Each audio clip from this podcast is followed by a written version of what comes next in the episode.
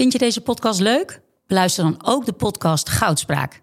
Ik ben Minke Boy. Als voormalig tophockeyster weet ik hoe Olympisch goud voelt. In de openhartige podcast Goudspraak praat ik met sporticonen die straks in Parijs voor het hoogste podium gaan. Over de weg naar goud. Beluister nu de podcast Goudspraak.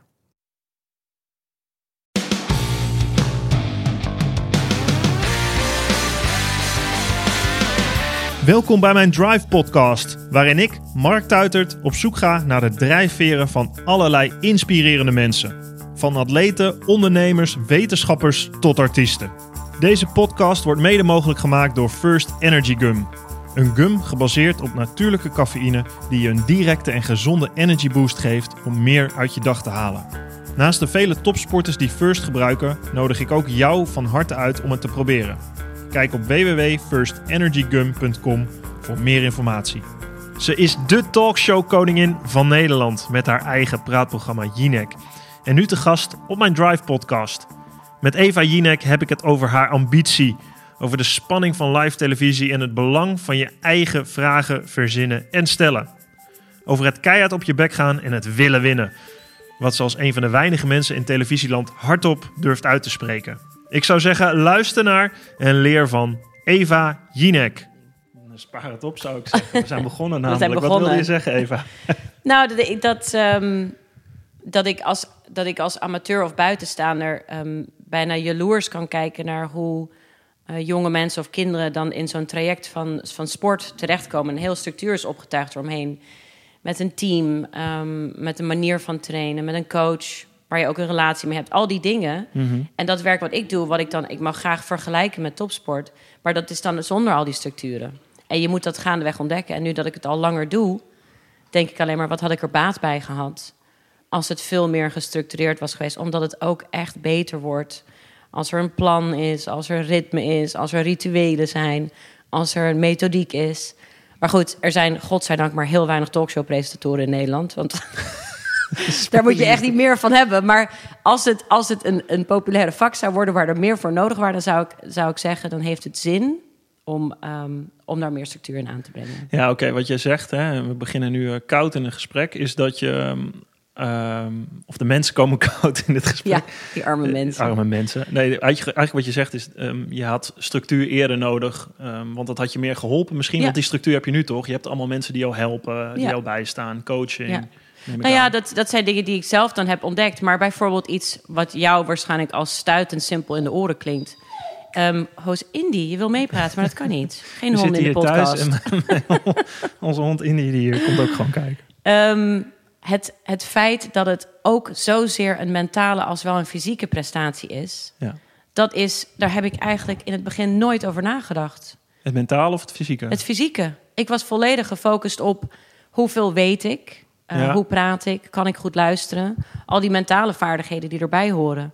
Ik heb nooit echt heel bewust nagedacht over ehm, hoe moet je slapen, Ja. wat moet je eten, wat kan je doen aan het fysieke aspect om het mentale makkelijker te maken. Dat, dat, is, ja, dat heb ik ontdekt.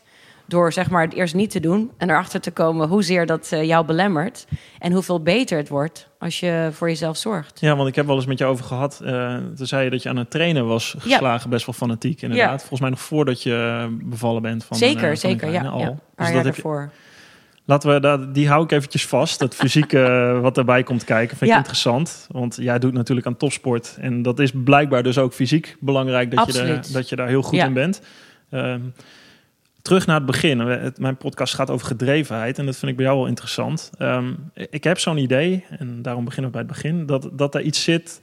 En dat zit bij iedereen natuurlijk. Maar bij jou misschien nog wel meer als ik over jou lees en je een heel klein beetje ken. eh, is het dat in jouw jeugd dat daar ergens ook een basis eh, ligt. Je bent geboren in Amerika, kind van Tsjechische ouders.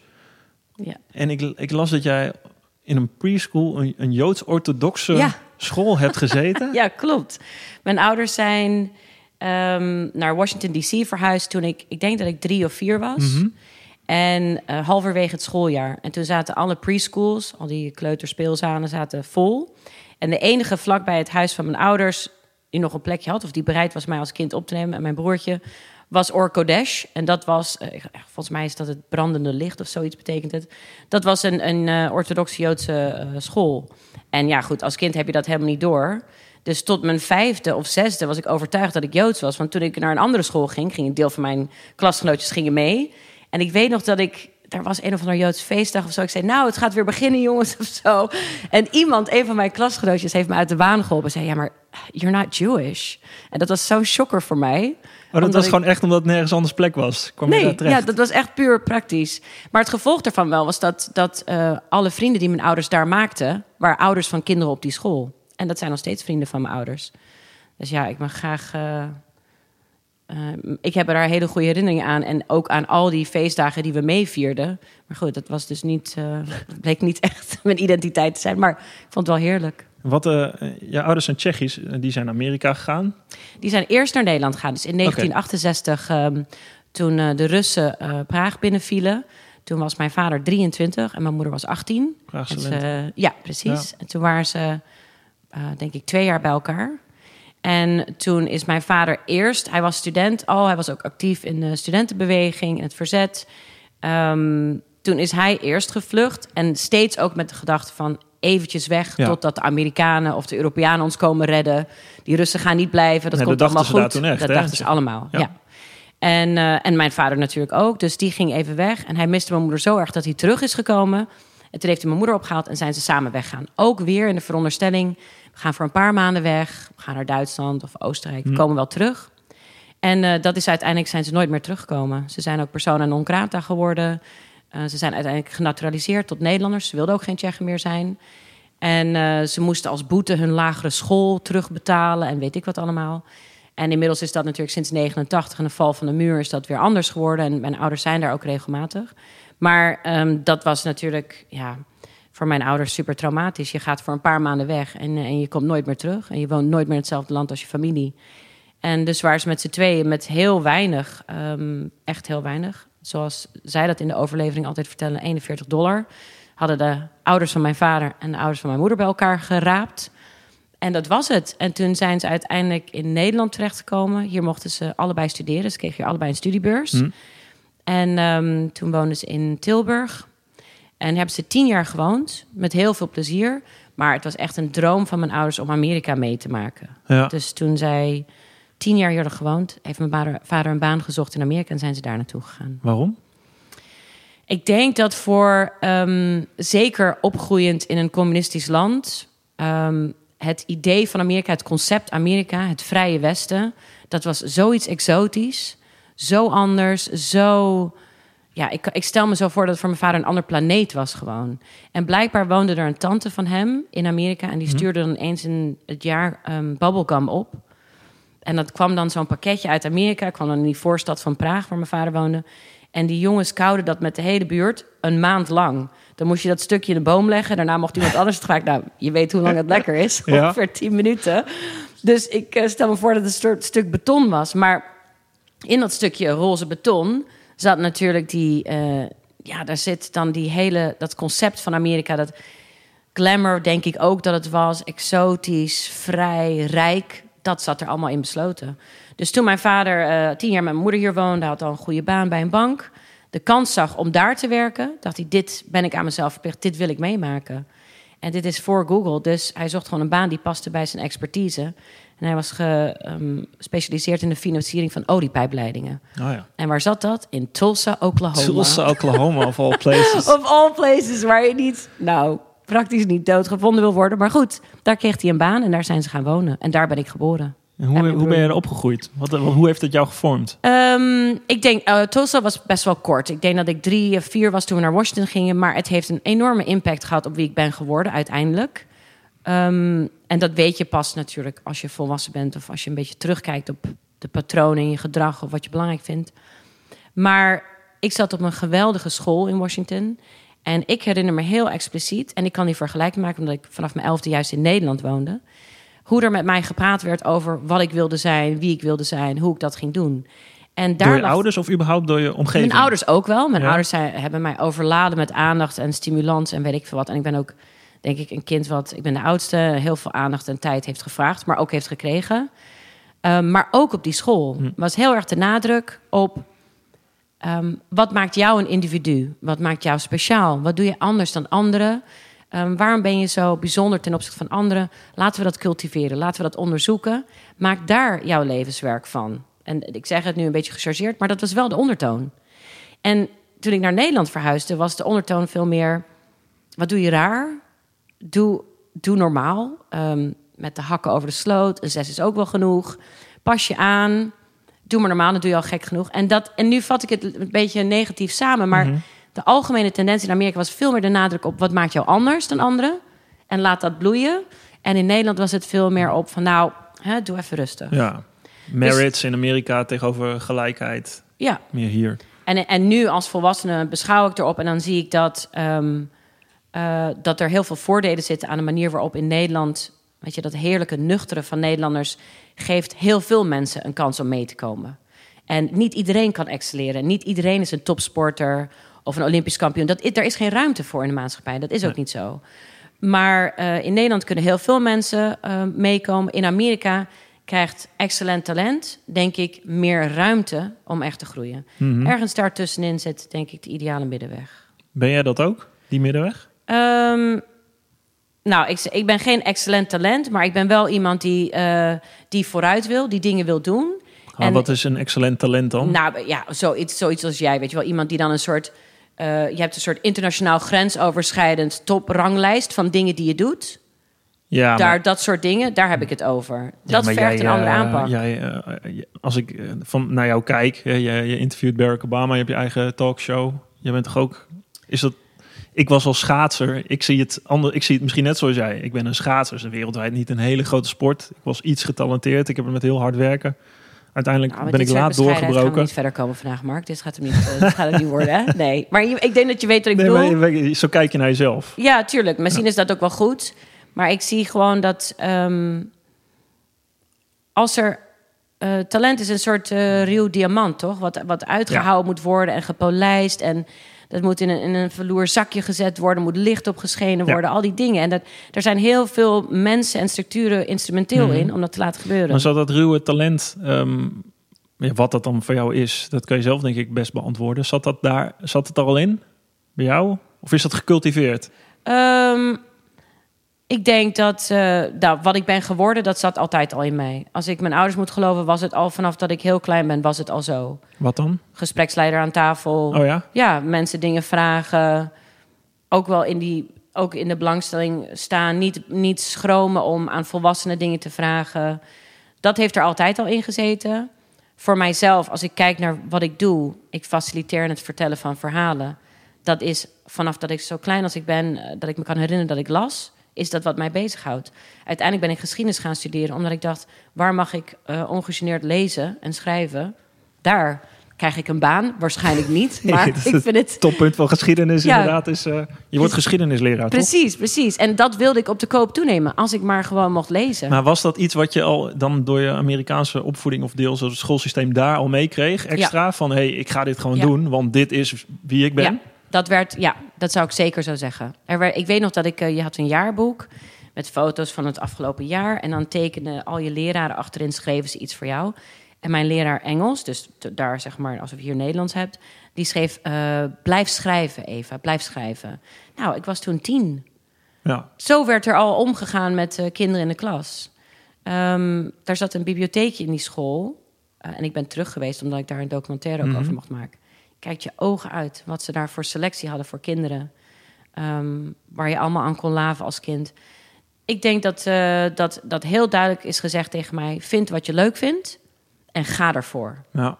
En dat heeft, heb ik meegenomen. En dat is uiteindelijk, ja, dit is het eindresultaat. ja, cool. Ja, dat herken ik wel. Ook, eh, ik ben nooit echt gestimuleerd per se om dingen te moeten doen. Maar ik heb wel heel veel kansen gehad ook om dingen te kunnen, te kunnen doen. En toen was je twaalf, ging je naar Nederland. En hoe, was dat moeilijk voor jou? Ja, dat was wel echt moeilijk. Ja. Omdat eh ja, gingen mijn ouders weer midden in het schooljaar verhuizen. En ehm, ik kwam, ik had dan naar groep 8 gemoeten, maar ik sprak geen Nederlands. Ik kon niet lezen of schrijven in het Nederlands.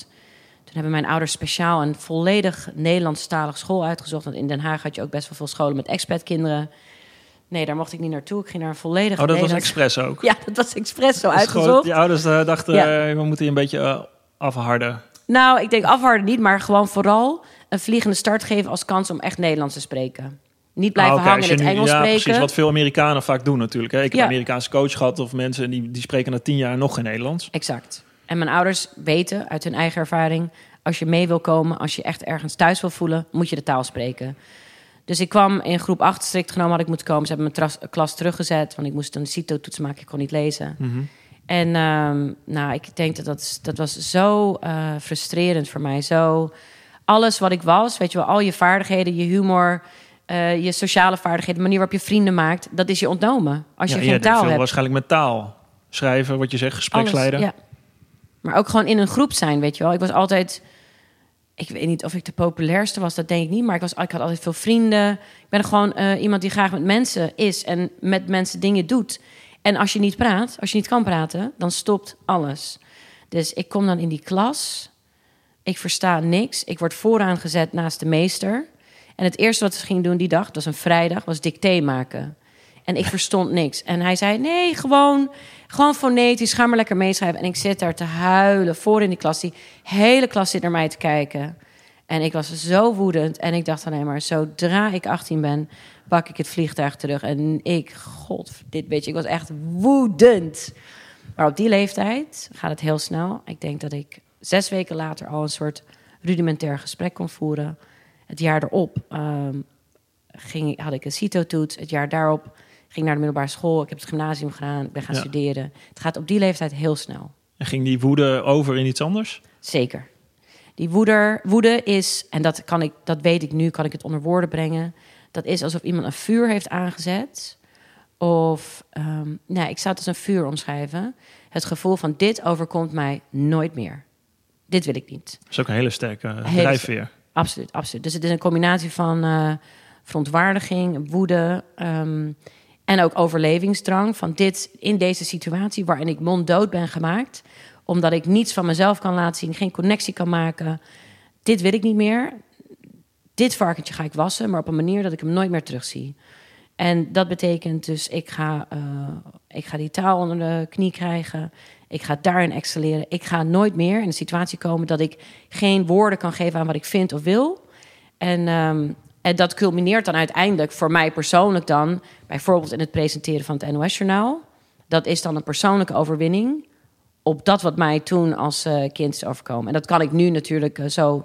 Ik kan, zeg elkaar maar, plakken. Ja, Mhm. maar toen was het meer een gevoel. Maar Ja, ik maar weet dat was wel sterk iets wat je diep van binnen hebt verankerd als zijnde hier, eh, dit nooit meer. Ja. En hier ga ik echt werk van maken. Ja, Want hoe, waarom ben je dan geschiedenis gaan studeren als je dacht... ik had geen idee wat, welke baan het moest worden. Ik wist wel dat ik met verhalen bezig wilde zijn. Ik wil lezen, ik wil schrijven, ik wil verhalen. Maar wat het dan moest worden, ik denk dat mijn ambitie was best wel stuurloos en diffuus. Maar het had wel met Amerika te maken, toch? Uiteindelijk wel, ja. Ik heb ook, eh, ja, ik ben eh, Amerikaanse sociale geschiedenis, daar ben ik op afgestudeerd. Dat krijg je er ook niet uit, denk ik. Dat is dan ook gewoon voorliefde, interesse. Ik hou ook van Amerika, ik haat het ook, ik hou ervan. Ehm, maar pas eigenlijk helemaal aan het einde van mijn studie, toen ik stage liep, kwam er een focus in mijn ambitie. Tot die tijd wist ik niet zo goed wat ik ehm, met mezelf aan moest. Was er een punt of een, ergens waarvan je dacht... hé, hey, nu weet ik het, dit Ja. is het? Sterker nog, het was eigenlijk zelfs een moment. Meestal is het een opeenstapeling van dingen. Maar ik liep stage in Washington bij Charles Groenhuis. Hij was toen de correspondent voor de NOS. En Caroline en ik, dat was de andere stagiair... wij hadden de opdracht om... ehm, dat was dan s'nachts, want je had een tijdsverschil... de lampen in dat mini, zelfgemaakte, amateuristische studiootje aan te zetten... het fotootje van de president recht te zetten... en de lampen klaarzetten. Gewoon dat alles klaar was voor Charles om een kruisgesprek te doen. En dan moesten we... Dit was dus echt... Ik heb het over één meter breed en twee meter lang... aan een hoekje van het kantoor. Ja. Daar had Charles dan de muur gesausd. Dan hadden we een beetje mooi proberen te maken. Hij had een leuk lampje voor dat hij zijn gezicht kon uitlichten. Super eh, amateuristisch, zag er op tv fantastisch uit. Ze hebben geen foto's dat Charles die muur aan het sausen was. Helaas niet. Maar ik moet eigenlijk een foto hebben dat je hem... Ja, ik heb wel een foto trouwens van hem dat hij in een korte broek zit te presenteren. Maar de bovenkant is heel Ja. netjes. En, ehm, en dan moesten... moest, ja, ik weet niet, dat ging dan had een oortje in. En dan hadden wij een, een telefoonverbinding met Hilversum. En dan zaten wij op de grond onder een bureau met z'n tweeën. En dan hoorden wij dus door het oortje van Charles... hoor je zo'n klein muizenstemmetje... Hey Charles, Hilversum hier, hoe is het? Goed, goed. Je gaat over drie minuten live en dan uh, we laten nu het journaal meelopen. Dus dan hoorde je het journaal in Nederland meelopen. transatlantisch kruisgesprek. S'avonds onder die bureau gekropen. En ik denk, dit is het. Dit wil ik. Live tv, de spanning, de excitement. Ik bedoel, Charles was bij uitstek de meest uh, relaxte, ervaren persoon. Maar ook voor hem, alles komt dan samen in dat moment van die live-uitzending. En dat was een adrenaline, dat was een kick, dat is een wedstrijd. I loved it. Ik was verkocht. Ja. Alles waar ik van hield kwam samen. Verhalen, optreden, op het moment zelf. Nou, ik. Is dat ook de druk die, eh, die erbij komt, Ja, die je, ja, zelf, ja, die je gewoon nodig hebt dan? Als er een deadline zou zitten op andere dingen in mijn leven, dan zou ik dingen voor elkaar krijgen. Je wil eigenlijk zeggen, als er geen deadline op staat bij jou, dan wordt het helemaal niks. Als, alles wat een live uitzending is, lukt. Maar voor de rest, als er geen uitzending is, waarom zou je belastingaangifte doen? Nee, ik- gelukkig Ja, heb ik dat uitbesteed. Maar Nee. ik kan me er heel goed in, eh, in vinden hoor. Het is eigenlijk eh, kabbelt het dan een beetje. Dan kun je ook hele mooie dingen doen en hele mooie dingen afleveren. Maar het is iets anders dan jezelf. Maar kun jij het opwekken, dat gevoel, alsof er een finish is, een deadline, een iets? Of heb je dat echt nodig dat iemand anders het je oplegt? Ik, ik, heb, ik heb het nodig dat. ehm, ik denk echt dat ik heb het nodig dat iets me dat oplegt. Ik weet niet of iemand. Ik denk niet dat het werkt dat iemand anders het me per se gaat opleggen. Die zegt: Hier, dit is je, dit is je deadline. Ik heb meer dat ik mezelf in situaties breng. Ik ben niet voor niks gaan ondernemen. Ik ben niet dat, dat, dat me dat overkomt. Dat ik me wel moet. Ja. Ik heb soms ook wel, ook bij, hè, je, hebt niet, je kan niet alles sturen. Helemaal niet met corona. Soms is het even, laat je dingen los. En dat vind ik, ik vind dat ook wel eens lekker. Dan heb je tijd voor ontspanning en andere dingen. Maar diep van binnen is een soort essentiële drang om, om ergens een doel te moeten Ja. hebben en dat te willen halen. Ik moet doelen hebben, anders word ik gek. Nou, heerlijk toch? Dat is. Ja, kijk, je kan het niet in een mens stoppen. Maar als je het hebt, ik zie het alleen maar als vreugde. Ja, ik ook. Nou, het kan, het kan ook, als je, als je het niet hebt, het kan ook een hele grote worsteling zijn natuurlijk. Als het heel, heel, voor andere mensen denk ik ook om je heen, als, als het er niet is. Ehm, maar dat heb jij denk ik, je creëert het denk ik zelf. Want als jij op dat moment dat jij denkt van, hé, hey, dit is het, het gaat live. Wist je, op dat moment wist je waarschijnlijk, ik, ik moet live tv gaan maken. Ja, Dat was, die mate van eh, spanning, ja, dat wil ik. Ja, dat wil ik bereiken. wist je toen ook al van, oké, toen werd je wakker de volgende ochtend en dacht je dan van, oké, dit ga ik, plan je, plan je dat dan? Heb je meteen een Nee, idee? ik denk, nee, ik had geen plan. Ik weet ik, dat heel vaak. ehm, ehm, dan, als, als je je cv eh, dan ergens afgedrukt ziet, dan zeggen mensen: Oh, dit heb je zo bedacht. Ja. Maar eh, dat kan ik met mijn hand op mijn hart zeggen, dat is niet zo. Wat wel zo is, ik wist, omdat ik voelde, dit is iets voor mij, dit wil ik... wist ik dat elk ander klusje wat daarna komt, wat daarbij hoort... moet ik zo goed mogelijk doen. Ja. Hoe klein het ook is, wat het ook is. Ik weet dat Charles zei, ik moet naar New Hampshire... om een verhaal te maken over mensen die eh, ongebreideld wapens in huis willen hebben. Zoiets was het. Maar ik heb nog net niet de goede spreker. Ik was... Ik zat in die computer er bovenop. Ik stopte niet totdat ik die mensen had gevonden. Ik wist elk, elke kleine opdracht die nu komt... of ik een salade voor Charles moet halen... of ik het ijskastje van het eh, kantoortje schoon moet maken... of ik, als de telefoon gaat, ben ik de eerste die opneemt. Ik ben er gewoon. Ik ga dit regelen. Ik wist, elk klusje die nu hierbij hoort... moet ik zo goed mogelijk doen. Dan zal het zich vanzelf wel wijzen. En dat vind ik best wel... ehm, ja, vooruitziend van mezelf. Heel veel mensen zoeken naar hou vast van een plan. Als ik dit doe, dan dat. Maar zo gaat het nooit in je leven.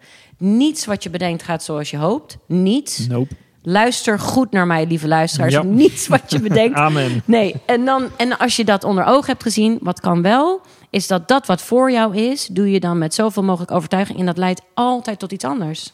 Ja, maar het, het, bij jou, het, was wel dat zaadje in je hoofd wat dan geplant was. En eigenlijk alles wat je, zegt, ik doe mijn best om alles wat ik doe zo goed mogelijk te doen.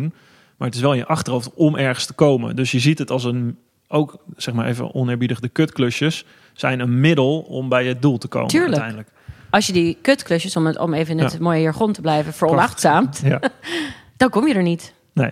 Dan Ja, kom je er echt niet. Nee, daar gaan heel veel mensen denk ik op stuk. Ja. Dat, ze, dat ze denken dat van oké. Ja. Nou, ik heb eigenlijk niet zo zin in. Laat dan maar even liggen, want ik ga hiermee bezig, want dat vind ik leuk. Het geeft me een iets prettiger gevoel. Eh, en dan ga je voor dat korte termijn prettige Ja. gevoel in plaats van Ja. nu de pijn. En misschien is het ook wel maar geen pijn, want die, als je eenmaal beslist, ik ga naar dat doel toe en je, en je duikt erin, wat je net zegt, dan is wat misschien een oneerbiedig kutklusje li- lijkt, wordt misschien ook wel een uitdaging op zich. Is ook zo. Is ook zo. En ehm, er zit ook iets, ehm, nou niet masochistisch, dat bedoel ik niet, maar er is geen verkorte weg naar ervaring. Nee.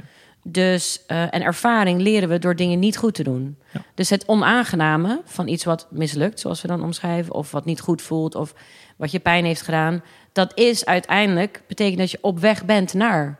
En al die, eh, alle keren in mijn leven dat ik dacht dat er een shortcut was naar Mhm. ervaring, heb ik me vergist. Wanneer was dat? Was dat in die tijd ook? Nee, dat is later gekomen. Als ik echt een uitgekristalliseerd voorbeeld moet noemen, is het bijvoorbeeld als iemand tegen me zei: Dit moet je vragen, Eve. Dat is een topvraag. En dan dacht ik: Hé, iemand geeft mij een topvraag? Wat handig. Begrijp ik de vraag eigenlijk wel? Begrijp ik de implicaties van die vraag? Kan ik dat pareren? Weet ik eigenlijk wel wat het antwoord zou kunnen zijn? En de enige keren dat ik dacht: Nou, weet je, dat komt wel goed, ik zie het wel. Elke keer helemaal verkeerd. Wat bedoel je dan? Dan kwam er een antwoord die ik niet begreep. Oké, dus je, je, je pakte dan die vraag, die ging Ja, je stellen, terwijl je hem zelf niet, zelf niet Zelf goed niet- begreep. Nee. En dan kwam een antwoord en dacht je, oh, moet ik hiermee? Ja, het werd nooit goed. Nooit. En dat heb ik gewoon voor altijd afgeleerd. Alles wat ik vraag is door mijn hoofd gegaan, door mijn hersenen, is begrepen, is ofwel bedacht door mij of aangegeven door een ander, maar is fundamenteel begrepen door mij en klopt bij mijn echte nieuwsgierigheid. Niets is voor de vorm. Alle keren dat ik iets deed omdat iemand zei, joh, dat is goed, moet je doen man. Nooit goed. Maar wanneer heb je dat geleerd? Of wanneer heb je Ehm, dat niet, fout gedaan nog meer? Ik weet, ik weet nou niet precies met wie dat was, dat gesprek. Ik weet alleen dat ik het warm kreeg. Omdat het niet goed ging. Omdat ik dacht... Het was een beetje alsof iemand me uit een helikopter duwde boven de oceaan. Ik dacht, oh, wow, ik weet niet of ik dit ga redden. dit tot het einde. Je, als je de materie beheerst en je bent nieuwsgierig... dan is het gewoon alsof je... ehm, ja, hoe zou ik het zeggen? Je komt in de flow. Iemand neemt je mee in wat ze zeggen. Je luistert, je gaat erop reageren. Het is spannend, je komt ergens, er gebeurt wat. Als je de materie niet beheerst, dan is het gewoon eng. Omdat je niet weet waar het naartoe gaat. Je weet niet wat je er tegenin kan brengen. Je weet niet wat je moet zeggen. Je bent gewoon verloren. En dat hoort en voelt de kijker ook. Maar je kan toch nooit zo diep de materie beheersen als een expert die Nee. jij interviewt? Zeker niet, zeker niet.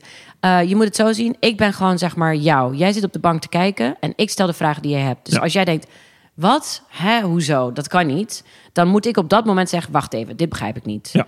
En niemand verwacht denk ik ook van mij dat ik alles begrijp. Wat wel van mij verwacht wordt, is dat ik een soort basisbegrip begrip heb van wat de contouren van het gesprek zijn. Weet je wel? Ik vraag iemand naar het beleid omtrent corona. Hebben jullie het eigenlijk goed gedaan? Waren jullie op tijd met dat verhaal van die mondkapjes? Wat was eigenlijk de reden dat, dat jullie net dit zeiden dat het niet een goed idee was? Ja. Niemand verwacht dat ik een afdoende wetenschappelijk antwoord heb over mondkapjes. Ze hebben het zelf ook niet. Maar wel dat ik de contouren van het gesprek begrijp. En als je niet begrijpt wat je vraag is, omdat iemand jou een topvraag heeft gegeven, Ja. die je lekker makkelijk in je draaiboek Ja. zet en denkt, nou dat ga ik gewoon doen. Lekker op een lijstje, afwerken. Ja, je gaat op je muil. Sowieso. Ja, ik heb, het, ik heb het met interviewers wel eens. Als ik geïnterviewd word, dan... Ik heb een keer heb ik het ook gehad dat, dat ik een vraag kreeg... waarvan ik voelde of dacht van... Ja, dit is jou ingefluisterd door een redactie. Het was vissen naar een antwoord. Mhm. Terwijl ik dacht, ja, dit is... Ik weet de vraag niet meer precies. Ik weet alleen mijn gevoel nog op die vraag. Dat ik dacht, ja, dit is... Je bent nu aan het vissen en nog een keer aan het doorvragen op iets... wat ik helemaal niet zo bedoel, maar wat... Als ik hier een antwoord op geef, een heel suggestief antwoord... Dan, dan staat je redactie waarschijnlijk te klappen van... ja, je hebt Ja. het gevraagd, goed zo, goed zo, Ja. goed zo. En hij geeft een antwoord, jee. Dat gevoel kreeg ik. En dan is die oprechte... denk je, ja, dit is niet meer oprecht interesse. Dit is gewoon vissen naar een, Sensatie. een sensatie die er helemaal niet is. Heb. Je hebt het niet gegeven. Nee, nee, nee, nee. nee dat voelde Nee. zo... Ik, sterker nog, in dat gesprek dacht ik, ja... ik ga nu helemaal niks meer geven. Niet omdat ik het niet wil, maar gewoon Exact. omdat... Dat voelt niet meer goed. Ja, dat is, maar dat is de klaar. magie dan. Is het doorbroken. Jij Ja. hebt het door. Ja, het stoort jou. Ja, En dan is dat eventjes die connectie die je maakt met degene die je interviewt. ja Want en het is je- gefijnst. Het is dan de interview fijnst. En dat voel je als gast. Dan ik denk ook als af. publiek. Ja. Ja. Hoe heb je dat? Want dit wat je nu allemaal zegt, het is ook gestaafd door heel veel ervaring en intuïtie die je opbouwt. Intuïtie heb je niet, dat bouw je natuurlijk door ervaring. Het moment van, van Charles Groenhuis onder die tafel, naar die klik, naar wie je nu bent eh, als interviewster, gespreksleidster met je eigen, met je eigen programma.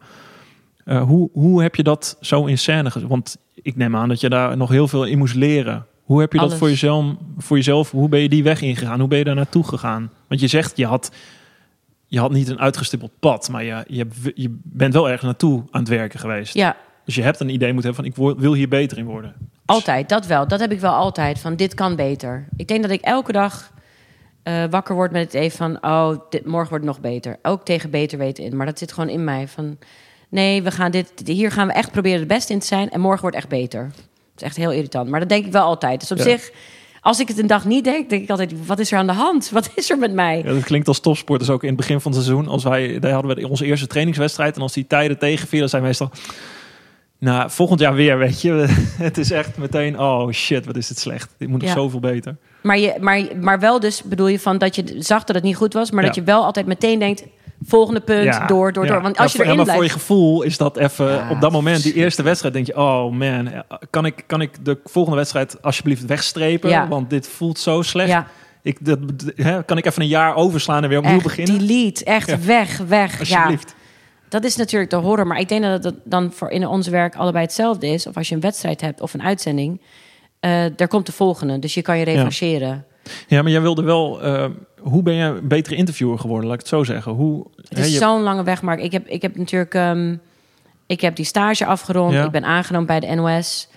Ehm, ik werd buitenlandredacteur. Dan begin je in de laagste regionen. Ik had alleen geschiedenis gestudeerd in die stage. Ik had nul journalistieke eh, handvaardigheden.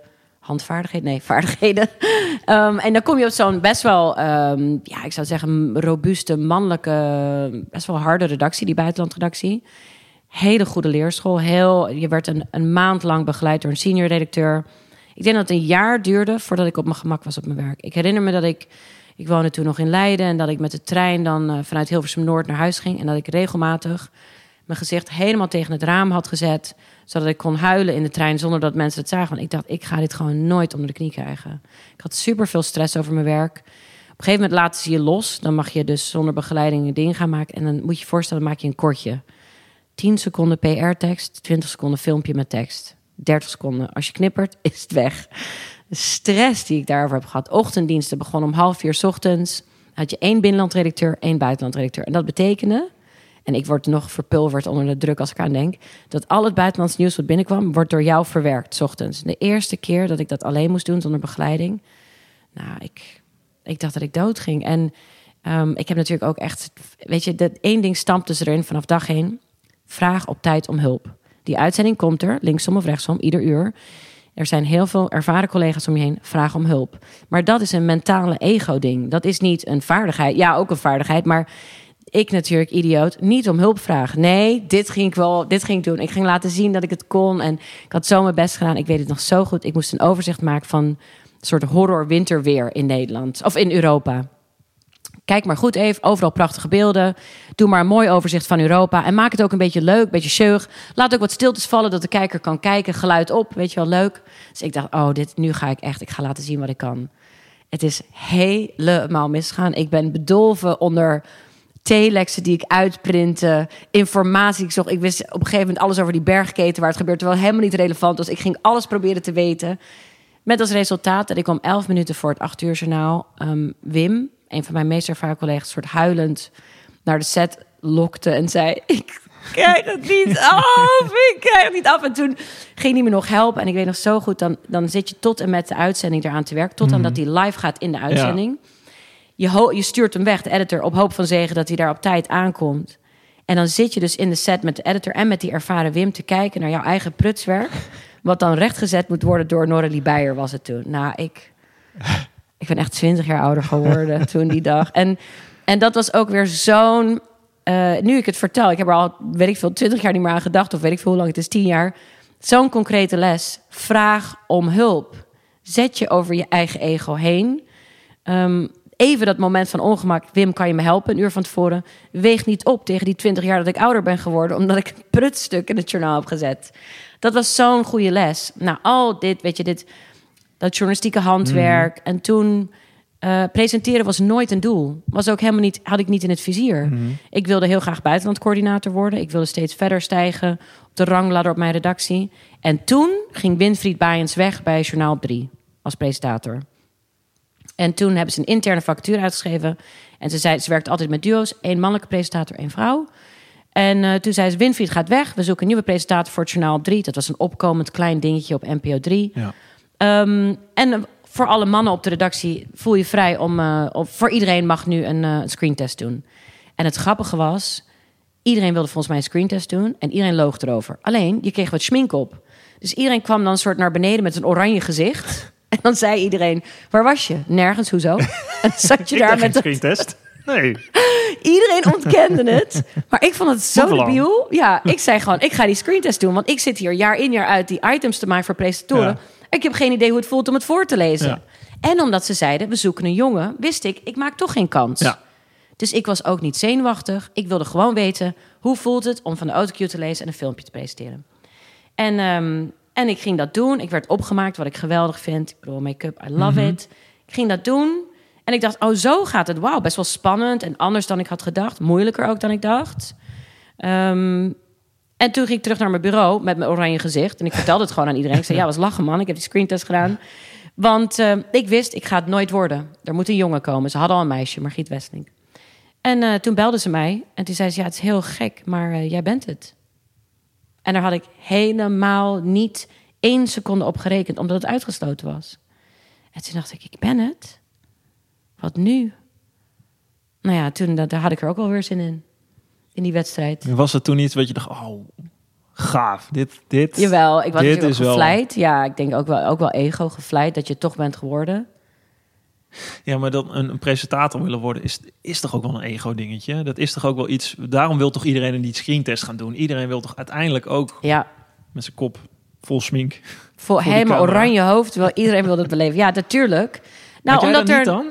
Ehm, ik had dat nooit als doel. Ik had dat nooit. eh, ik wist wel dat ik buitenlandcoördinator wilde worden. Dat Hmm. weet ik nog wel. Want ik was net gepromoveerd volgens mij naar die zwaardere dienst. En ik dacht, nou, als ik nog zo doorga, dan word ik coördinator. Ja, jij wilde iets met live doen en, en de richting die wist je wel heel goed. Je wilde Ja. nieuws maken. Ja, actualiteit, dat wist ik absoluut. Ja. Op de spanning, Ja, op de... ja. Gewoon iets buitenland is misschien ook wel meest spannende met Vond ik buitenlandse ook. Vond ik ook Dus heel boeiend. Ik wil spanning, je live op, de, op de actie zitten. Ja.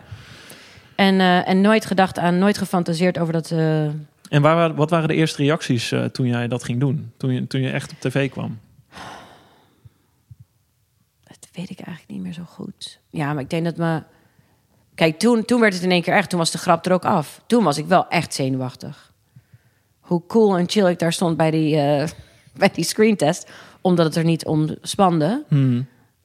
Die, er kwam nog eens twintig jaar ging er van mijn leven af Ja. toen ik de eerste keer live ging. Ja, maar dat zijn wel de dingen die jij opzoekt. Zeker, zeker. Ik Ja. verdien het ook hoor. Ik bedoel, het zit in mijn persoonlijkheid. Ik mag, maar ik vind het ook heerlijk om het zo uitgebreid mogelijk eng te vertellen. Goed Ik geniet er nog steeds van.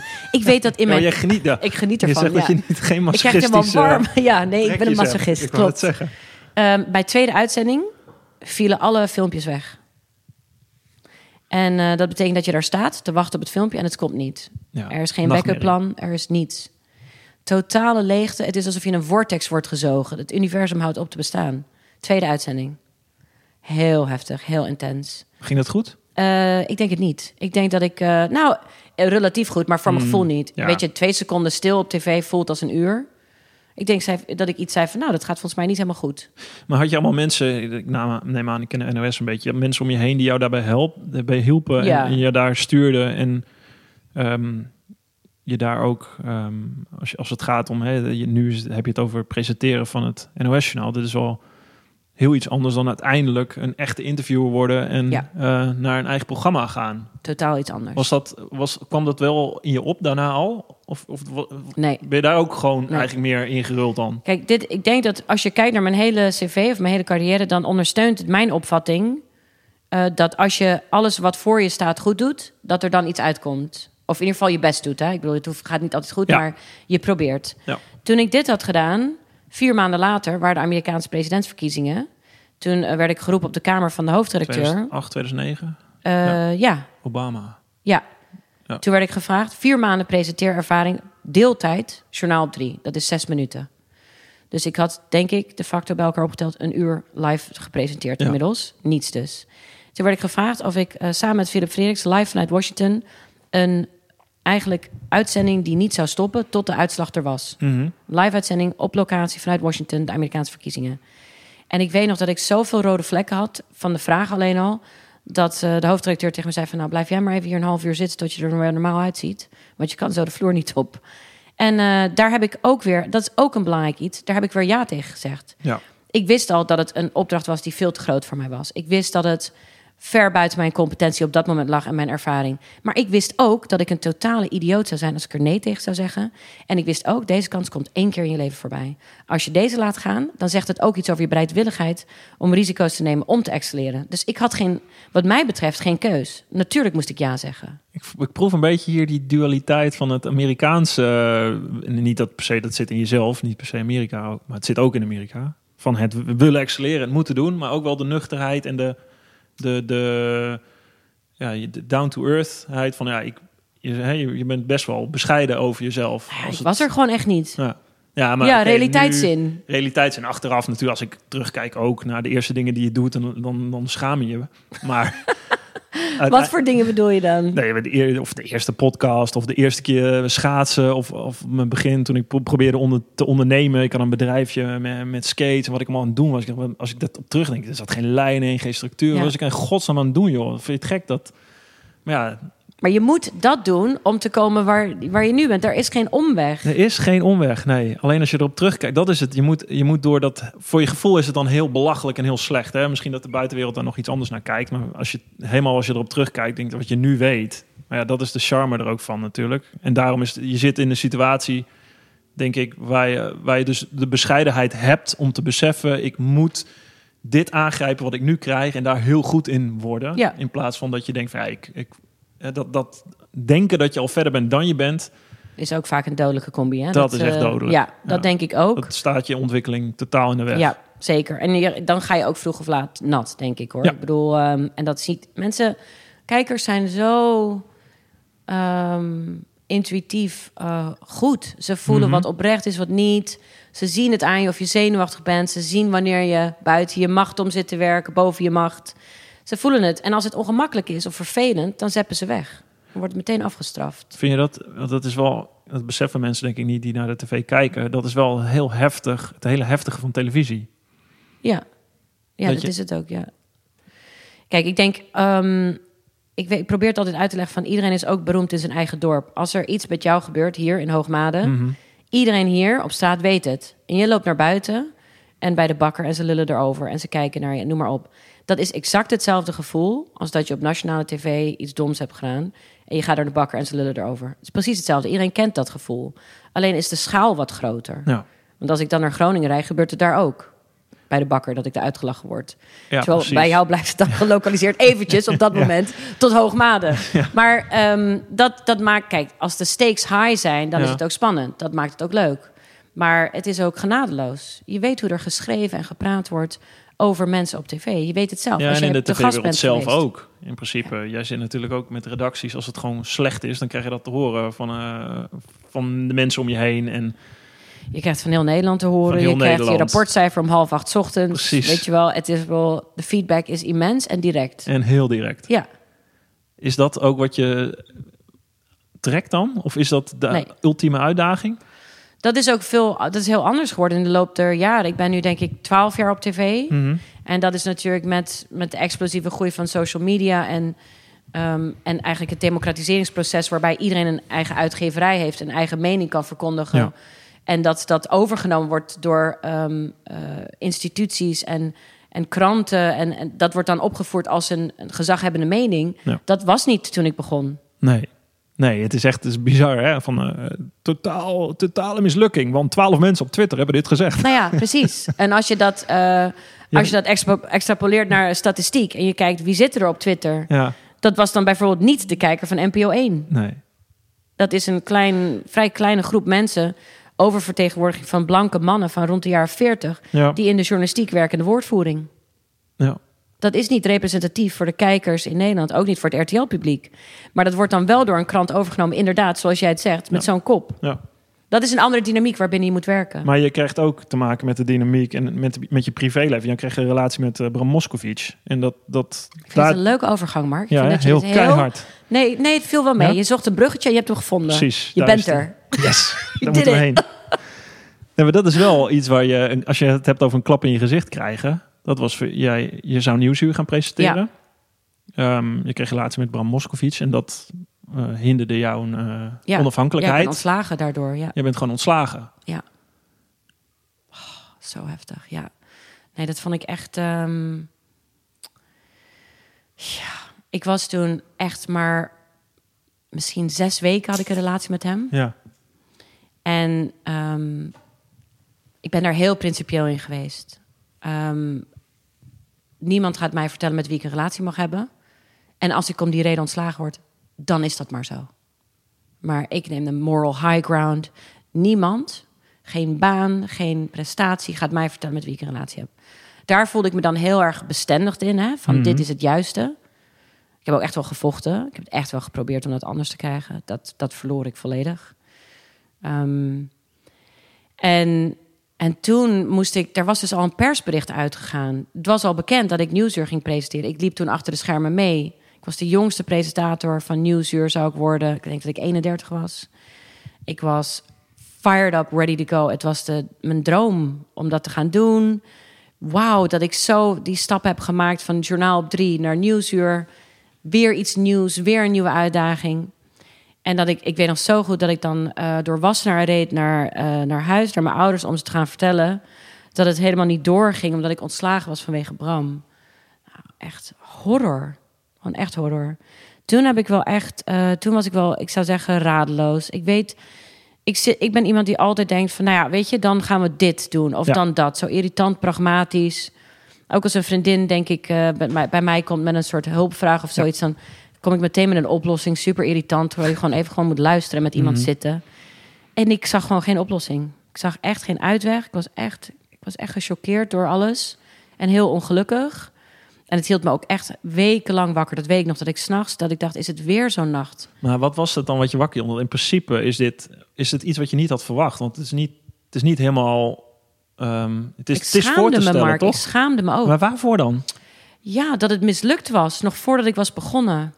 Ik schaamde me dat ik, dat ik die baan niet had. Ik dacht ook van, ik krijg nooit meer een goede baan. Ehm, ik, ik schaamde me naar maar mijn had je er ouders geen toe. rekening mee gehouden, zeg maar, wat eh, met Bram Moskovic, met, met, de- met de, de reden waarom je ontslagen werd? Had je dat van tevoren niet bedacht? Totaal niet, omdat ik mezelf zo integer vind en zo. ehm, ik wist gewoon, ik, was, ik Ja. ben zo overtuigd van hoe ik handel. Ik werkte toen al acht jaar bij de NOS. Zeven jaar. Die mensen kenden, die hadden mij opgeleid. Die kenden mij vanaf mijn 25ste. Dat, dat was mijn soort werkfamilie. Maar voelde dat dan dat zij jou niet integer vonden? Ja, zij zeiden dat er sprake zou kunnen zijn van eh, belangenverstrengeling. En dat ik dan dingen zou weten die ik dan niet zou vertellen. Ik zei, wat denk je? Dat ik, dat ik thuis door iemands administratie ga? Dat ik dat zou vermengen of zo? Ik was zo... Of, is het, of had je geen rekening mee gehouden dat, dat zij dat zouden moeten doen... omdat ze de schijn zouden moeten vermijden dat dat zo zou kunnen er- zijn? Nee, ik had, ik had, deze zag ik echt niet aankomen. Ik weet nog namelijk hoe ik het kwam vertellen. Ik kwam heel soort blij vertellen van, eh, tegen de hoofddirecteur van... ehm, ja, voordat het in de, dat je het in een roddelblad leest... Ja. wou ik even zeggen, maar ik ben verliefd en ik heb een relatie. En toen was het eerst van, oh wat leuk, gefeliciteerd. En daarna was het van, kun je even, de, vrijwel daarna was het van, eh, ehm, dat gaat niet. Dus nee, ik, ik had er echt geen rekening mee gehouden. En dat is ook, ik ben nu zoveel ouder en zoveel meer, ehm, helaas, eh, bekend met de ins en outs van machtsstructuren en perceptie en eh, gelijk hebben en gelijk krijgen zijn twee verschillende dingen en belangen die er spelen op een heel ander niveau. Ja. Wie ging ik vervangen? Hoe vond de redactie van Nieuwsuur dat eigenlijk dat zo'n meisje van 31 van het journaal daar werd neergezet? Dat, daar was ik me helemaal niet van bewust. Van wat voor Nee, jij was gewoon overtuigd van jouw persoonlijke integriteit. En Ja. dat was genoeg. Ja, echt Ja. een blij, eh, blij ei. Maar van, voor de buitenwereld Nee, zeker nee, niet. nee.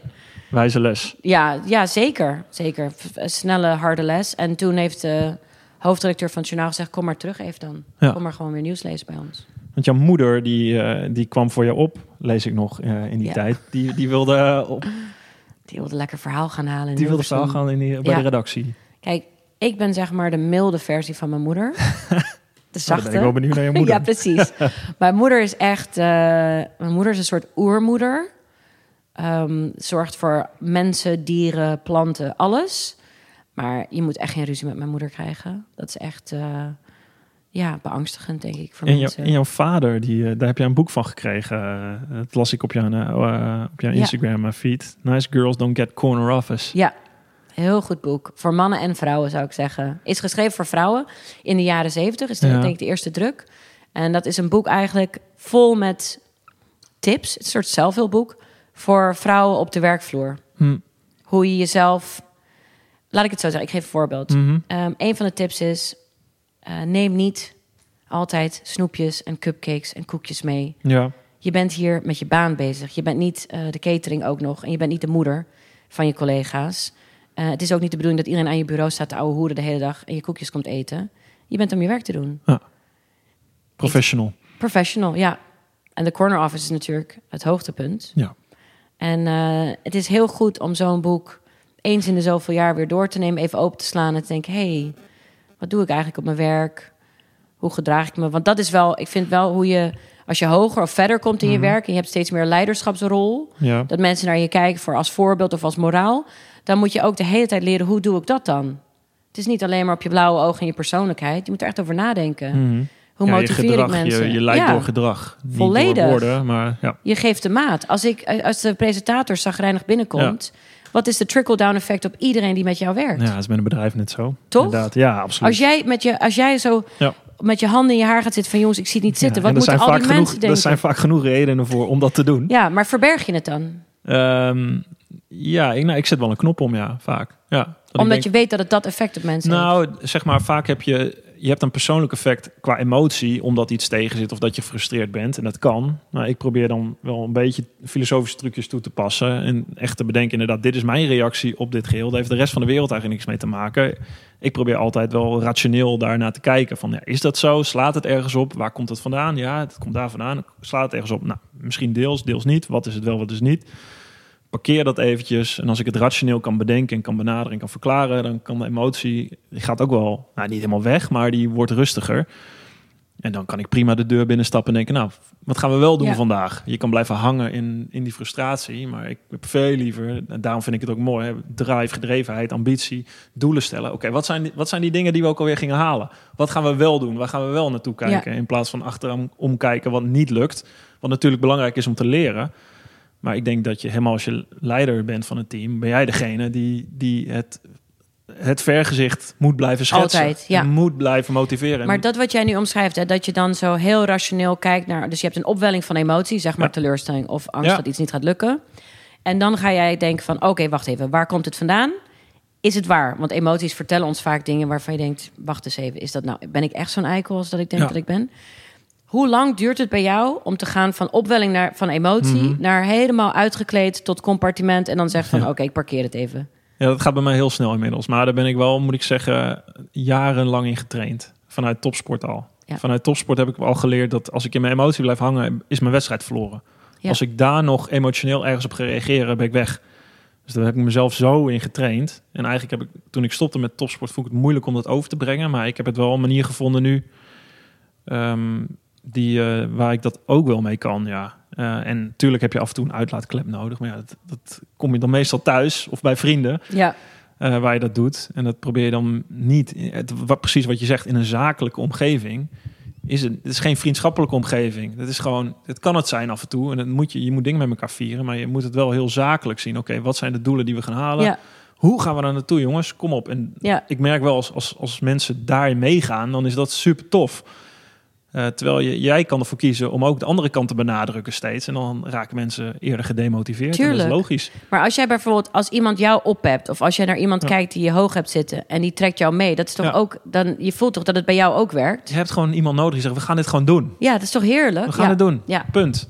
precies. Ja, af en toe gaan we op ons bek. En dat voelt heel erg KUT. En dat doet pijn. Ja, Fysiek, letterlijk doet het pijn. Echt. Maar ik denk dat, eh, dat eh, dan als ik, eh, kijk, ik heb het niet zo getraind als jij, dat ik dat dan, ik weet het wel, als je het nu zo zegt, denk ik, ja, ja, zo moet het. Maar soms word ik ook gewoon meegesleept in die emotie. En dan weet je, zo'n talkshow seizoen, je gaat altijd laat naar bed, je bent Ja. altijd moe. En dan emoties lijken dan zo echt. En aan de ene kant is ook mijn werk is ook om als mensen al die emoties open te hebben staan. Dat hele register moet wel aan tafel zitten. Dus ik heb hem aan de ene kant heel erg open staan, maar ik moet hem ook af en toe een beetje dichtdraaien, weet je wel, dat ik Ja. niet in een soort natte vaatdoek ben die net aan het janken en aan het schreeuwen is. Ja, Dus jij moet heel erg spelen, denk ik. Ja. Daarmee. Ook voor jezelf. Want je, je, je moet je eigen emoties, denk ik... ehm, wat, wat, wat doe je daarmee in zo'n gesprek? Is dat... Ja, je moet de kraan half openzetten. Hm. Maar dat is wel moeilijk, vind ik hoor. En zeker sinds ik een baby heb gehad. dat, dan word je een soort van, dan is de kraan de hele tijd helemaal open. Ja, gewoon Wat heel irritant is hoor. moeder- Ja, soort hormonen, moedergevoelens. Ja, maar die, oh, na twee jaar zijn die hormonen weg. Het is gewoon, dat vraag ik aan Ja. alle moeders. Zeg ik, hoe is dat nou bij jou? Ben jij dan weer normaal geworden? Ja. Maar niemand wordt echt normaal. Maar goed, het is wel ehm, linksom of rechtsom. Ja. Je moet erover nadenken hoe je als eh, leider van een groep, Ja.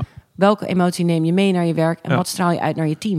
Daar moet je gewoon echt over Maar je nadenken. hebt, wel, je hebt wel dingen van je ouders. Het is best wel bijzonder, die dingen die jij zegt over je ouders, die je hebt meegekregen. Dat is wel een soort ideaal van eh, je, je kan het. Eh, het is wel een soort opbouwend zelfvertrouwen als ouder. Om te Ja. kijken, je, jij gaat, je kan dit, weet je. Ga ervoor. Ja, Doe het. Sta, in, sta stevig in je schoenen. Dus ook, hè, we hadden net over Bram Moskowitz. Je bent wel degene die dan de, voor jezelf de morele juiste keuze Ja. maakt op basis van jezelf. En je zegt net ook eerder eh, over vragen. Nee, ik bepaal die vragen. Ja. Ik, ja. Je neemt wel echt het heft in handen in je eigen leven.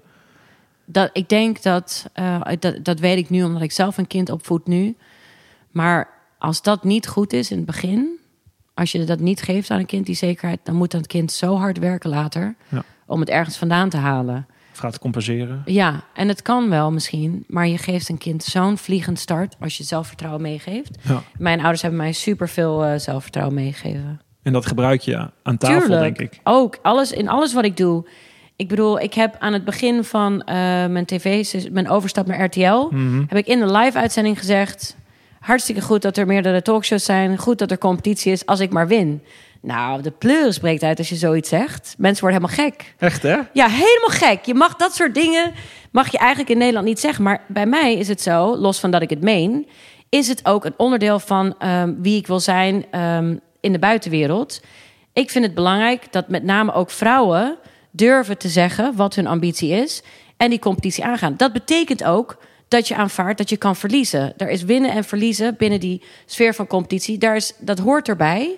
Maar je moet toch kunnen zeggen wat je ambitie is, dat durven uitspreken en het dan gaan eh, tot, tot waarheid maken. Als je het niet eens durft uit te spreken, hoe denk je het in godsnaam ooit gaan bereiken? Ja, helemaal eens. Het klinkt als een topsporter. We hebben het ook eh, volgens mij een half jaar geleden of zo, of een jaar geleden bij de uitzending na de tijd over gehad.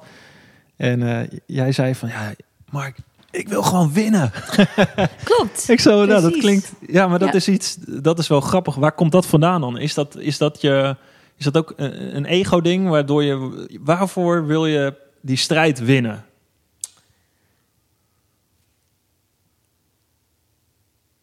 Ehm, ik kan niet echt beredeneren. Ik wil niet alle wedstrijden winnen. Ik nee, maar niet... dit is een wedstrijd waar je goed in bent. En je weet dat je er goed in bent. En je weet dat je hem met een paar Ja. mensen voert. Of met een paar andere Ja. programma's voert. Toch? Dit is toch de strijd tussen talkshows Ja, precies. om kijkcijfers. Om kijkcijfers, maar ook om waardering. Weet je, ik wil... Ja, ik denk... Ik kan het niet zo goed formuleren, maar... ehm, dit is een wedstrijd die ik wil winnen in die zin van... Ik ga niet zeggen dat ik het goed wil doen. Nee, ik wil de beste zijn. Ik weet nog niet of dat gaat lukken. Maar mijn doel is wel om de beste te zijn. Zo stap ik er iedere keer in. Ik ben nog nooit aan een uitzending begonnen dat ik dacht van... nou, gewoon even kijken hoe dat gaat. Weet je wel, een zeventje is ook prima vandaag. Ja. Nooit. Nee, maar je zou kunnen zeggen: ik wil iedere dag beter worden. Ik wil iedere dag leren. Dus als ik, als ik vandaag weer iets geleerd heb, dan is het ook goed. Dat is ook zo, maar dat bestaat naast elkaar. Ja. Ik, ik, mijn, ik heb nog nooit dezelfde talkshow twee keer gemaakt. Ik heb nog nooit dezelfde gast gehad, nooit hetzelfde onderwerp. Kortom, de situatie is nooit zo dat ik echt precies weet wat er gaat gebeuren, waardoor ik kan zeggen: nu ga ik echt het helemaal perfect doen. Ik aanvaard de waarheid dat elke keer als ik daar ga zitten live, dat ik dus weer ongeveer 60 fouten ga maken. Vind ik heel heftig als mens. Het liefst zou ik hebben dat ik jullie allemaal inhuur als gasten. Dat jullie precies gaan lachen als ik een grap maak. Dat jullie dit zeggen als ik dat wil. Dat ik niet uitloop met Ja. de tijd. Dat de filmpjes allemaal werken. Dat het een snedig, en leuk en grappig en empathisch gesprek is. En dat het een tien is. En dat gebeurt nooit. Nee. Nooit. En dat is ook goed. Maar het basisgedachte is altijd: ik wil de beste zijn. Ik wil niet de beste eh, Instagram babe zijn. Ik wil niet 14 kinderen hebben. Ik ga niet ook nog een weeshuis in Mali openen. Ik wil niet elke wedstrijd winnen. Maar dit wat ik doe, Ja. dat wil ik wel. Nou, ik wil gewoon heel graag eh, de- daar de beste in Je zijn. speelt dit spel en dit spel wil Ja. je winnen. Ja, Ja, grappig. Ja, ik ben het helemaal met je eens hoor. Ik stelde net de vraag inderdaad om je ook daarin uit te dagen. Maar dat is wat heel veel mensen denk ik... Hè, als, je kan niet een ontwikkeling... Je moet jezelf willen ontwikkelen. Maar als je als einddoel een ontwikkeling stelt... dat is niet meetbaar, dat is veel te vaag. Dat is niet tastbaar. Waardoor je ook niet echt iemand kan motiveren. Ja, hij wordt maar beter de volgende dag. Ja. Oké, maar ja, wat, waar leidt het naartoe? Dat is toch vreemd dat we in ons hoofd ergens... We moeten, je weet zelf niet eens precies waarom je wil winnen. Ik zou het eigenlijk ook niet eens precies Dat wou ik weten. net je aan jou vragen. Jij moet dat bij Ja. uitstek weten. Ik vraag me dat constant af. Ik ben er heel erg ehm, in die zin mee bezig. Niet omdat het me hindert, want ik, ik, dat zit, het enige waar ik op uit kan komen... is dat ik die drive en die wil om dat te gaan doen nodig heb om te leven. Die spanning, de op te staan met een idee van ik wil verdomme dit gaan bereiken. Ja. En inderdaad, in mijn achterhoofd, tuurlijk, ik weet hoe het leven werkt. Als je wat ouder bent, helemaal halverwege je leven, dan, eh, dan tuurlijk ga je op je bek. De kans dat je op je bek gaat is ook heel groot. Maar de uitdaging aan blijven gaan en dat willen doen, nou, dat heb jij met RTL gedaan. Ik denk dat voor jou misschien wel. Wat was daar de drijfveer bijvoorbeeld voor jou achter? Is dat Dat is, dat is een nieuwe dimensie in die wedstrijd ook. Dat is, ehm, kijk, ik begon niet op nul qua ervaring. Ik neem wel al mijn ervaring mee. Maar ik moest wel opnieuw beginnen met publiek werven. Kan ik het in een commerciële omgeving? Kan ik aan al die critici, het die is al eh, heel veel mensen niet gelukt? heel veel mensen ook niet gelukt. Dus dat maakt het nog. Ik bedoel, ga maar instappen in een plek waar zoveel goede mensen al eh, onderuit zijn gegaan. Eh, gaat het mij dan wel lukken? Die garanties heb je niet. Nee. Iedereen stond klaar van tevoren, ruim van tevoren, nog voordat ik getekend had, een oordeel te vellen. Dat moet ze niet doen, dat gaat nooit lukken. Mhm. Waardeloos idee.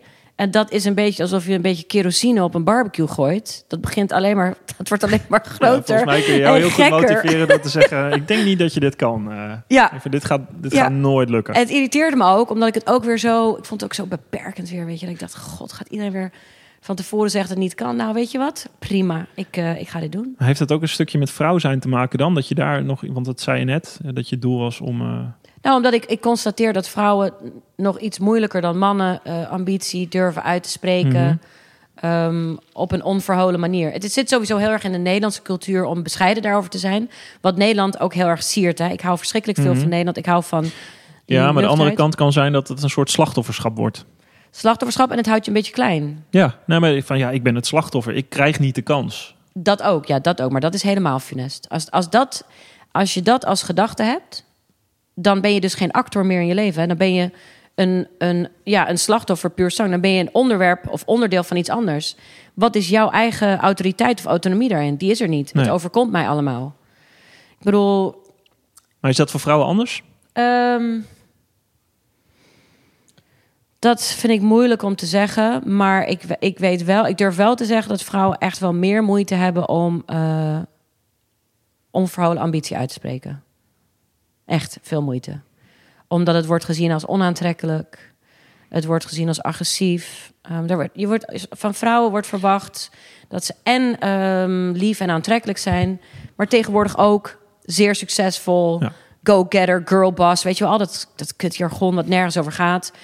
En jeetje, hoe doe je dat? Weet je wel? Hoe ben je allebei? Dat is moeilijk. En ik heb helemaal geen hoogdravend idee over mezelf daarin, behalve één ding.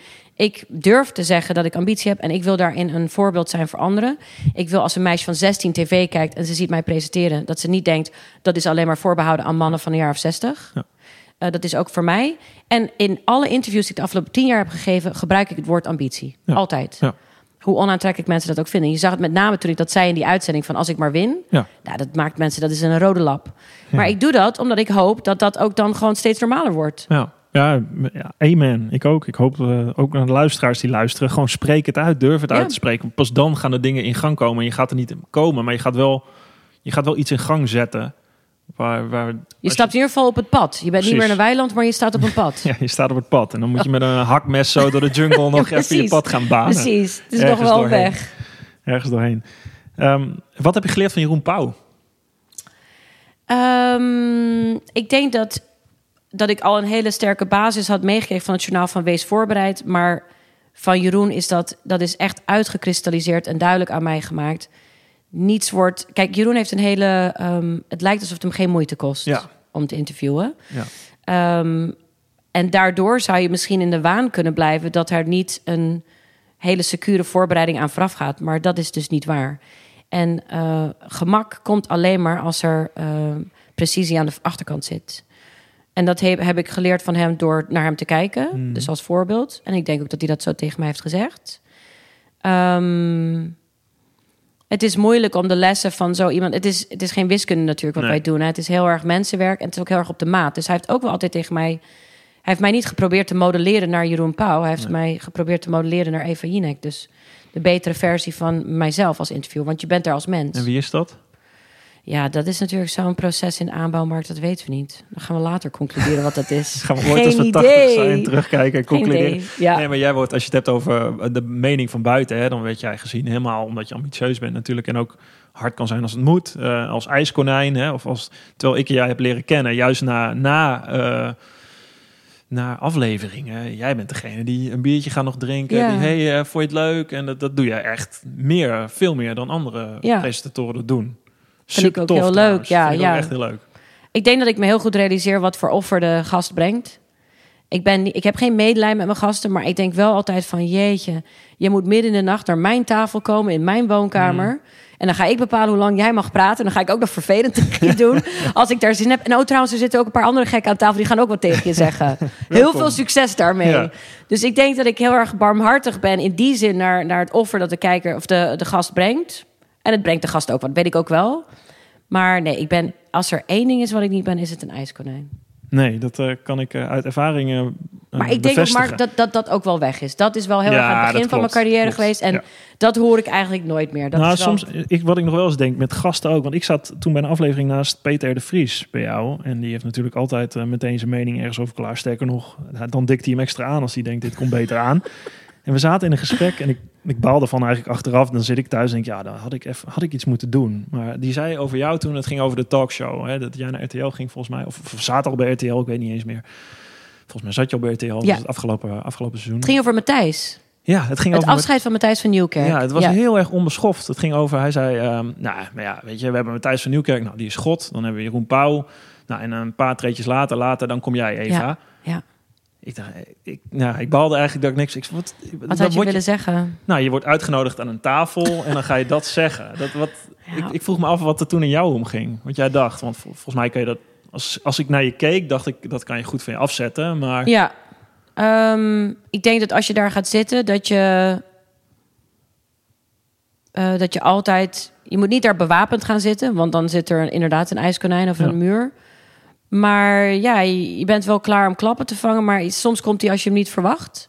Ik, denk, ik heb toen gezegd, eh, volgens mij heb je helemaal gelijk, Peter. Ik heb hem helemaal gelijk gegeven. Ik zei, ja, ik denk dat je, dat je gelijk hebt. Want hij zei het inderdaad zo. Hij zei, ja, jij bent gewoon prima. Dan heb je Jeroen Pauw, die is echt journalistiek goed. En Matthijs van Nieuwkerk, dat is echt... eh, zo zei hij het. eh, ja, En je ik weet, precies hoe hij het zei. exact, exact. Ik weet niet... En toen zei ik, ik denk dat je gelijk hebt. Meer zei ik er niet over. Ik weet niet zo goed... Kijk, die uitzending ging ook niet over mij. Hè. Het ging over Matthijs van Nieuwkerk... die na zo'n staat van dienst Ja, afscheid klopt, neemt. En klopt. dan vind ik dat ik dat ook echt niet... Nee. ook maar iets over mezelf moet zeggen. Want Nee, dat boeit ook niet. Dus dat denk ik dan op zo'n moment. Van, nou, ik Ja. ga hier niet happen. Ik ga hier niks van vinden. En het is ook Peter zijn recht, weet je. Ik bedoel, als hij Matthijs God vindt en Jeroen beter... en dan mij gewoon prima, dat mag hij vinden. Ja. Dat is zijn goed recht. En ik ben daar niet om te zeggen van... eh, Wie denk je wel Nee, dat snap ik. Dat zou je, dat zou je ook nooit moeten doen, Ja. denk ik, in zo'n situatie. Ik denk dat ik toen heel erg dacht... Evie, dit gaat niet over... Deze uitzending gaat niet over jou. Nee. Laat maar gaan. Nee, ik vond het. Ik dacht dan als gast, oh ja, dan zit je ook te denken van, ja, moet ik hier? Hè? Wat gebeurt hier? Moet ik? Ja. En als je één seconde over na hebt gedacht, is het moment alweer voorbij natuurlijk. Dat is het erg van Ja. de talkshow. Thuis denk je... Echt. En toen had ik dit moeten zeggen en ik had dat moeten zeggen. Ja, heb Dat hebben veel mensen ook niet door natuurlijk. Zeggen, hey, op dit, wat, waarom zei je dat en dat? Ja. Ja. ik had fucking twee minuten. Ja, ja, ja. En dat is, nou, dat dacht ik toen. Ik zei, zee, dan moet je ook maar eh, over je heen kunnen laten gaan inderdaad. Ja. Dan moet je ergens wel je ego kunnen parkeren en kunnen zeggen, oké, dit is... Terwijl ik, ik vond het nog steeds heel onbeschoft. En ik, nou ja, goed, dat doet hij natuurlijk extra dan om dat nog even te benadrukken dat hij heel onafhankelijk is, omdat hij ook zijn mening durft te geven. Dat is ook gewoon het hele trucje. ja.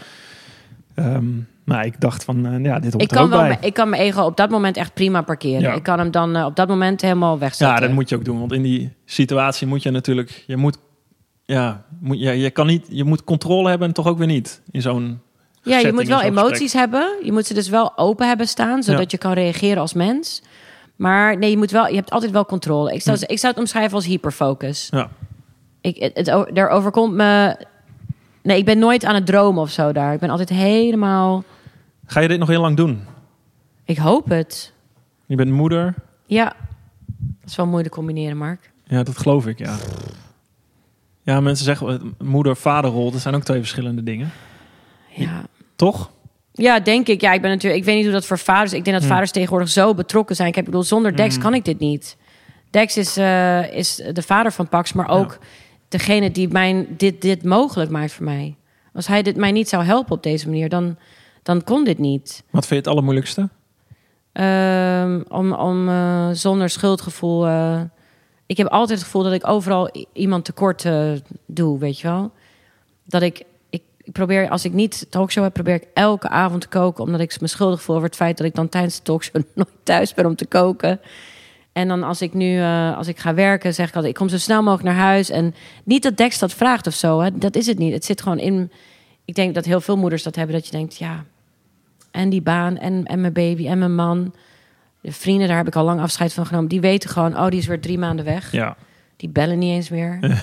die denken ook, zoek het lekker uit met je talkshow. Ciao, zie je later. Ja, Zie je wel op tv. Maar is dat, dat is zo'n schuldgevoel? Is, kun je er overheen komen, denk je? Of, want eigenlijk is het, als je het hebt over emoties en rationeel, irrationeel, eigenlijk is het ja, heel irrationeel. Wil niet zeggen waarschijnlijk heel nuttig als moeder of als kind. Dat je denkt van ja, ik moet er zijn voor mijn kind. Maar het is toch. nou, ik vind dat het heel veel... ehm, gaat heel veel energie in zitten om het gevoel te hebben dat je overal tekort schiet. Ik zou Ja, maar als je meer... dat gevoel dus kan Ja. loslaten, dan zou Ja. het je heel veel Hey, energie als jij het even op papier zet, Ja, ga ik zo doen. Dan lees je ik even daar een boek je dit. als je me daarin kan helpen. Ja, dat zou wel helpen. Dat, daar heb ik wel, daar zou ik. Ik denk dat ik het eng vind om het los te laten, dat schuldgevoel, omdat het dan lijkt alsof ik mijn moederschap niet meer zo zou Serieus voelen zoals het hoort. Ja. Dus it- er is ook een perverse prikkel om vast te houden aan het schuldgevoel. Ja. Ehm, maar ik voel dat dit ook tijd kost, weet je wel. Altijd maar klein beetje bezweet aankomen bij alle afspraken... omdat je altijd een beetje te veel dit hebt gepropt in dat... en denkt, ik kan iedereen blij maken. Terwijl, ja, dat kan dus niet. Nee. Maar ik wil ook geen gewetenloze zak zijn die dan naar de talkshow gaat. En, eh, ik bedoel, mijn kind is het mooiste wat mij in mijn leven is overkomen. En ik twijfel niet aan mijn liefde voor hem en zo. Maar ik vind het ook belangrijk dat hij ziet dat zijn moeder werk doet wat ze goed vindt. Ja. Waar ik plezier uit haal. Ik hoop voor hem dat hij iets kan vinden later waar hij net zoveel plezier van heeft als ik van mijn werk. Ja. Dat zou mooi zijn. Ja, en als je dat toch allebei kan laten zien, dan, eh, Ja. dan ben je er toch? Nou, dan zou ik al een, dan zou ik een heel eind zijn met een goed voorbeeld geven. Denk ik. Dankjewel. Eva. Jij bedankt, Mark. Wat leuk. Dankjewel. Ja, ik vond het heel leuk. Dank je voor het luisteren naar mijn Drive podcast. Wil je nu meer afleveringen luisteren? Abonneer je dan op mijn podcast via Spotify, iTunes of YouTube. Je kan me vinden onder Drive Podcast Mark Tuitert. Of bekijk alle informatie en alle podcasts op www.firstenergygum.com. Ga je naar het tapje media en het tapje podcasts. Daar vind je alle informatie. Laat me ook weten wat je van deze podcast vindt en welke gasten jij graag zou willen horen. Dan ga ik daar werk van maken. En dat kan je doen via mijn eigen social media kanalen. Mark Tuitert. Je kan me vinden op Instagram, Twitter en LinkedIn. Ga gedreven verder zou ik zeggen en tot de volgende Drive podcast.